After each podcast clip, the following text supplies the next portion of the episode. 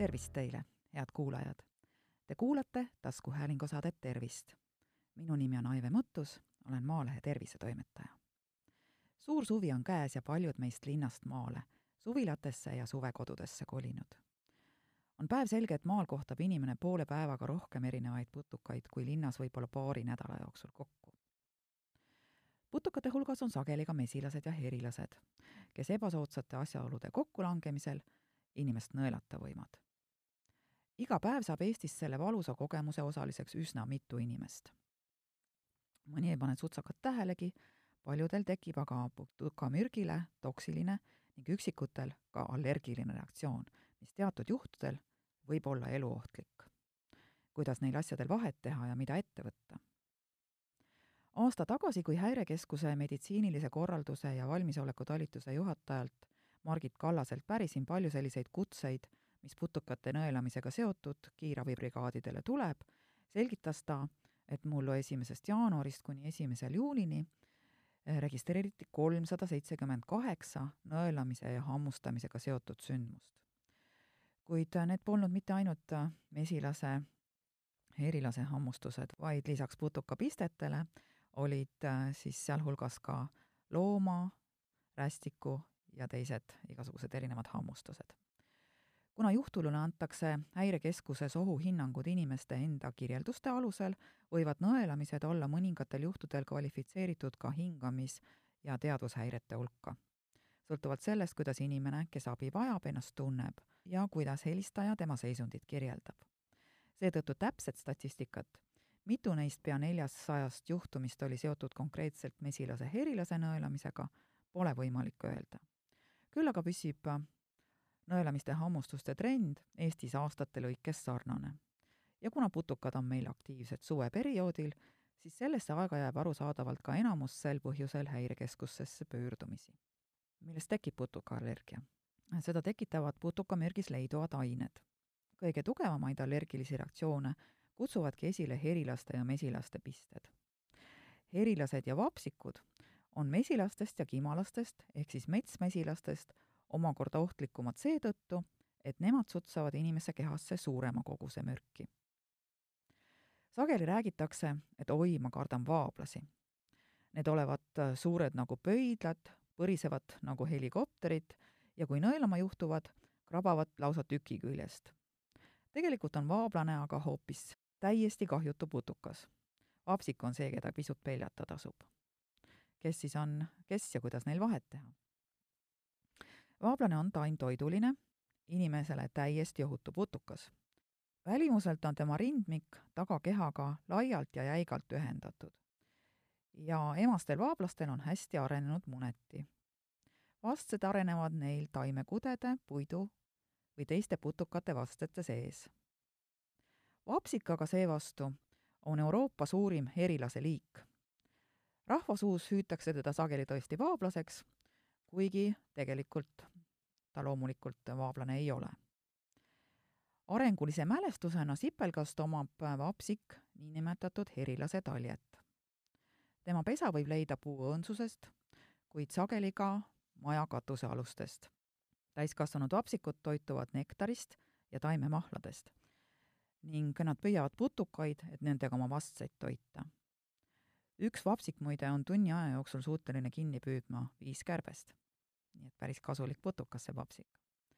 Soomes ja Rootsis on vapsikud kaitse all ning paljudes äh, riikides on nad kantud punasesse raamatusse.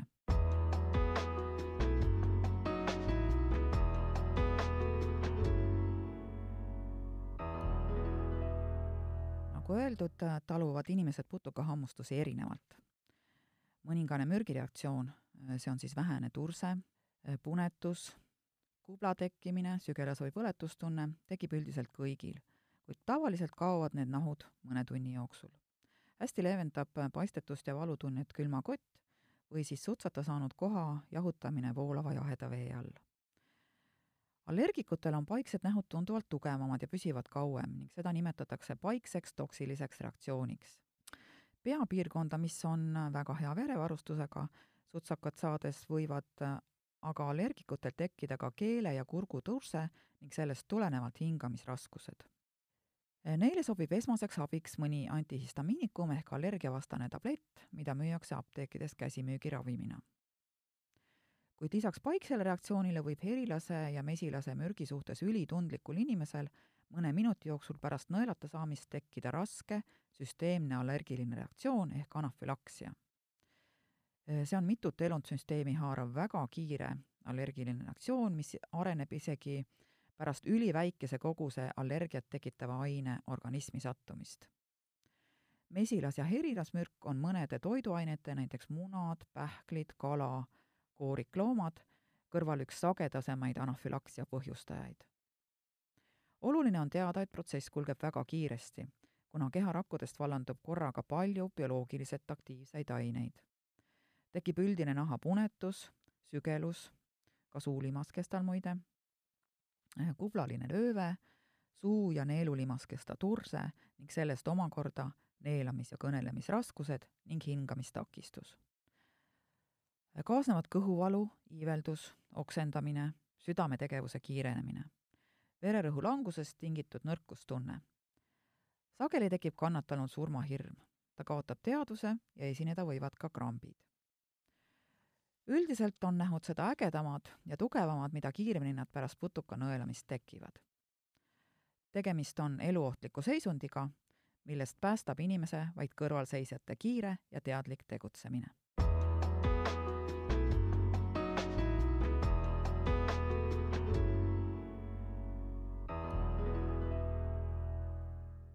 aastaid tagasi helistas mulle naabrimees ühel hommikul ja küsis, et Aive, mida sa teed? no mina vastasin, et äh, joon kohvi, et mis siis. ja tema siis niimoodi rahulikult äh, ütles, et tead, et äh, ma sain mesilase käest nõelata, et kui sa kohvi oled ära joonud, siis äh, tule tee mulle see süst. teades, et ta on allergiline ja tal on varemgi herilase hammustusega probleeme olnud, viskasin ma kohvitassi, kus see ja teine ja tormasin kohutava kiirjooksuga aedu ületades kohale ja sain talle abi antud anafülaksia on tõesti siis selline seisund, mille korral on väga kiiresti abi vaja ja kiiresti tuleb kutsuda ka kiirabi. kui kiiresti aga kiirabi tuleb? kiirabikutsete prioriteete tähistatakse tähtedega A, B, D ja C. A ehk alfa on selline kutse, kus abivajaja seisund ei ole erakorraline. see on stabiilne ja puudub oht elule kiirabi saadetakse välja esimesel võimalusel. B ehk Bravo kutse on selline, kus abivajaja seisund ei ole samuti erakorraline ning puudub oht abivajaja elule või pärineb meditsiiniteade isikult, kes ei oska anda abivajaja seisundi kohta mingit teavet. kiirabi saadetakse kohale esimesel võimalusel, kuid mitte hiljem kui kahe tunni jooksul. D ehk delta prioriteediga kutse puhul on abivajaja seisund raske ja võib olla eluohtlik ning kiirabi väljasaatmine peab toimuma nelja minuti jooksul. see ehk Charlie kutse puhul on abivajaja seisund eluohtlik ja kiirabi väljasaatmine peab toimuma ühe minuti jooksul. reaalses elus käivad asjad nii, et kui tegemist on Delta või Charlie prioriteediga kiirabikutsega, kogub häirekeskus teatajalt või siis ka abivajajalt endalt, kui ta helistab, esmase informatsiooni üldjuhul ühe minuti jooksul ja saadab seejärel kohe abiandjad välja. kõne häirekeskuse äh, dispetšeriga võib siis aga edasi kesta, samal ajal kui kiirabi juba sõidab. terviseameti andmetel on kiirabi keskmine kohalejõudmise aeg Eestis linnades kaheksa minutit, väljaspool linnu neli minutit. ja kriitilised teated, kus on vajalik lisaks kiirabibrigaadi väljasaatmisele anda ka esmaabijuhiseid, suunatakse Häirekeskuse meditsiinivaldkonna spetsialistile, kes siis telefoni teel abiandjaid kuni kiirabibrigaadi kohale jõudmiseni juhendab. mis inimese kehas toimuma hakkab, kui allergiline inimene herilase või mesilase käest nõelata saab? nagu öeldud, putukaallergiat tekitavad putukamürgis leiduvad ained, peptiidid, hüaluronitaas, melitiin ja teised. anafülaksia korral on tegemist immuunsüsteemi talituse häirega organism on mingi kehavõõra aine suhtes ülitundlik, peab seda ohtlikuks ja reageerib ülemääraselt tugeva reaktsiooniga. esimesel korral allergeeniga kokku puutudes ei tunne inimene midagi. sama ainega teistkordsel kokkupuutel aga vallandub allergiline kaitsereaktsioon, mis kahjustab tõsiselt kogu organismi. immuunsüsteemi ülesandeks on kaitsta organismi väliskeskkonna kahjulike mõjude eest. Selleks, et tekiks organismi kaitsereaktsioon mingi aine, antigeeni või siis allergeeni suhtes, peab see aine sattuma vereringesse. esimesel kokkupuutel moodustatakse immuunsüsteemi poolt allergeeni vastu kaitse ehk antikehad, mis tunnevad kahjuliku antigeeni ära ning koos teiste kaitsemehhanismidega kutsuvad selle hävitamiseks esile põletiku tekke. teistkordselt sama antigeeniga kokkupuutel on organismis juba antikehad olemas ja kaitsemehhanismid käivituvad kiiremini. anafülaksia korral aga puudub antikehade ja teiste kaitsemehhanismide vahel kooskõla ning seetõttu saab vallanduda kontrollimatu põletikureaktsioon, mis haarab kogu organismi. see tekib tõesti väga kiiresti, vahel isegi sekundite jooksul anafülaksia peamised tunnused on nõgestõbi. nahale tekivad siis punased sügelevad kuplad, kogu nahk läheb tursesse, lisaks tekib järsk vererõhu langus ja hingeldus. Anafülaksia võib põhjustada ka südamerütmi häireid ja segasusseisundit. nahavaatlusel torkavad silma punetamad ja sügelevad laigud. kõige ohtlikum tüsistus ongi naha- ja limaskestade turse, sest tursekõris võib muutuda vahel nii suureks, et see sulgeb hingamisteed ja seetõttu kaebavad haiged tavaliselt õhupuudust. Hingamine võib turde tõttu väga raske olla või ka lausa võimatu. Kannatanud on üliraskes seisundis ja vajavad kohest arstiabi, mille peamiseks eesmärgiks on siis tagada vabad hingamisteed ja säilitada vereringe. vajalikuks võib osutuda ka elustamine kliinilisest surmast. kuna iga elu on kallis, on väga oluline, et inimene, kes teab, et ta on herilase või mesilase mürgi suhtes allergiline, kannaks endaga igal pool kaasas, no suvel vähemalt siis, elupäästvat adrenaliini sisaldavat süstalt. Selle automaatse süstla nimi on EpiPen ja see sisaldab endas täiskasvanute ja suurte laste jaoks null koma kolm milligrammi ning väiksemate laste jaoks null koma viisteist milligrammi adrenaliini. adrenaliin on aine, mis toimib otseselt südame ja vereringesüsteemile ning kopsudele, ahendades kiiresti veresooni, lõõgastades hingamisteede lihaseid, vähendades turset ja stimuleerides südametööd. Hoiab ta selle kõigega ära anafülaksia võimaliku eluohtliku mõju. kuidas EpiPeni süstalt kasutada? haarake süstal tugevamasse kätte, see on siis see käsi, millega te kirjutate nii et pöial oleks sinise ohutuskorgi lähedal ja käsi rusikas ümber süstla. oranž otsik peab olema allapoole. eemaldage teise käega sinine ohutuskork. Hoidke süstalt umbes kümne sentimeetri kaugusel reie välisküljelt, nii et süstla oranž otsik oleks suunatud reie väliskülje poole.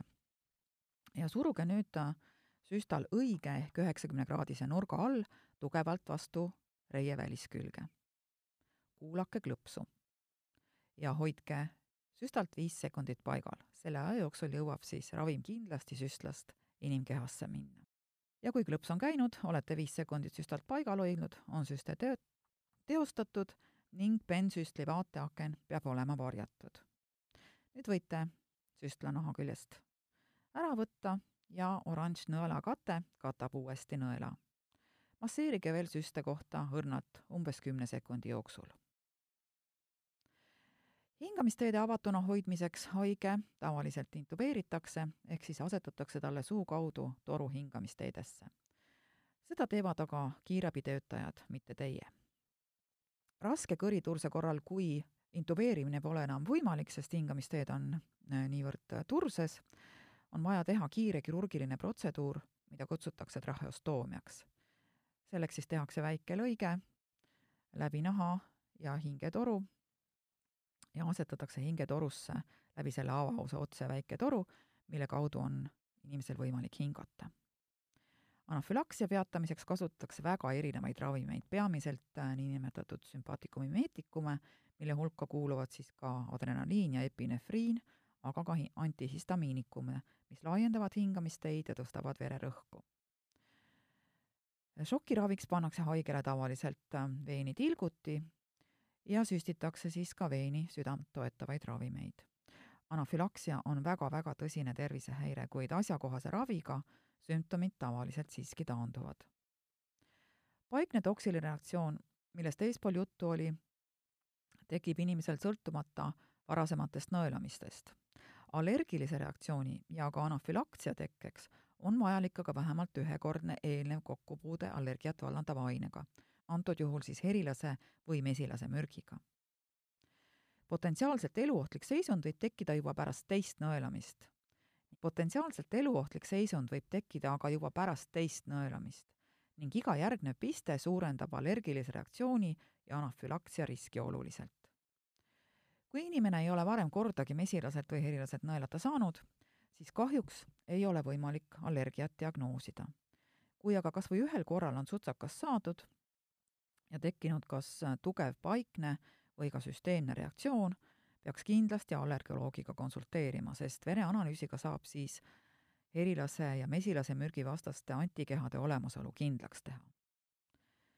kogu loo moraal tänasest saatest on selles, et mesilasi ja herilasi ei pea paaniliselt kartma, küll aga peavad inimesed kes on allergilised, endaga suvel siis igal pool EpiPeni süstalt kaasas kandma. Head kuulajad, te kuulasite taskuhäälingu saadet Tervist! saate leiate Delfi podcastide pesast tasku, nutirakenduste Spotify, Apple Podcasts, SoundCloud ja teised. hakake jälgijaks ja kuulake just teile sobival ajal. ettepanekuid teemade kohta, mida saates käsitleda, ootan teilt e-posti teel aadressil tervist.maaleht.ee. minu nimi on Aive Mõttus, olen Maalehe tervisetoimetaja. tervist teile!